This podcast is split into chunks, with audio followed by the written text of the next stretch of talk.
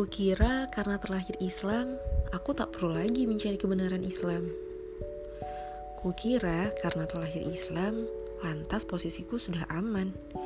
Semacam merasa sudah ada jaminan setelah mati akan mendapatkan surga. Minimal syafaat dari Rasulullah. Sungguh naif.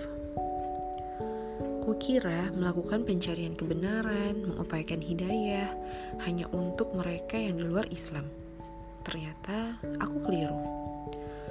Siapa pun kita, terlepas itu terlahir Islam atau bukan, sejatinya kita semua perlu melakukan pencarian kebenaran dengan cara mempelajari syariat mulia ini.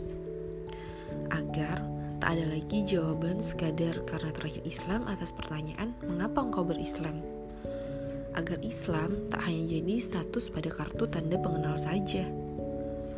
Agar Islam tak jadi formalitas belaka. Agar Islam benar-benar dari hati dan pilihan sendiri. Karena Islam bukan agama keturunan. Islam bukan agama doktrin. Islam adalah agama yang tak memaksa siapa pun untuk memeluknya.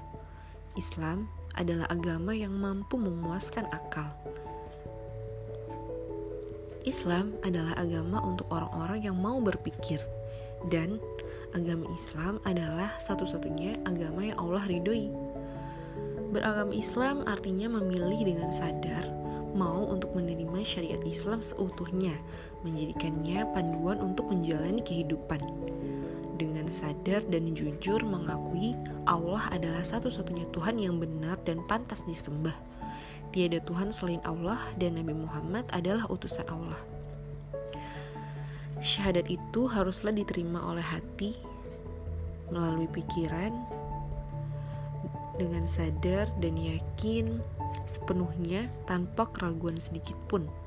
Terlisan dengan dua kalimat syahadat lalu terimplementasikan melalui sikap sehari-hari dalam menjalani kehidupan.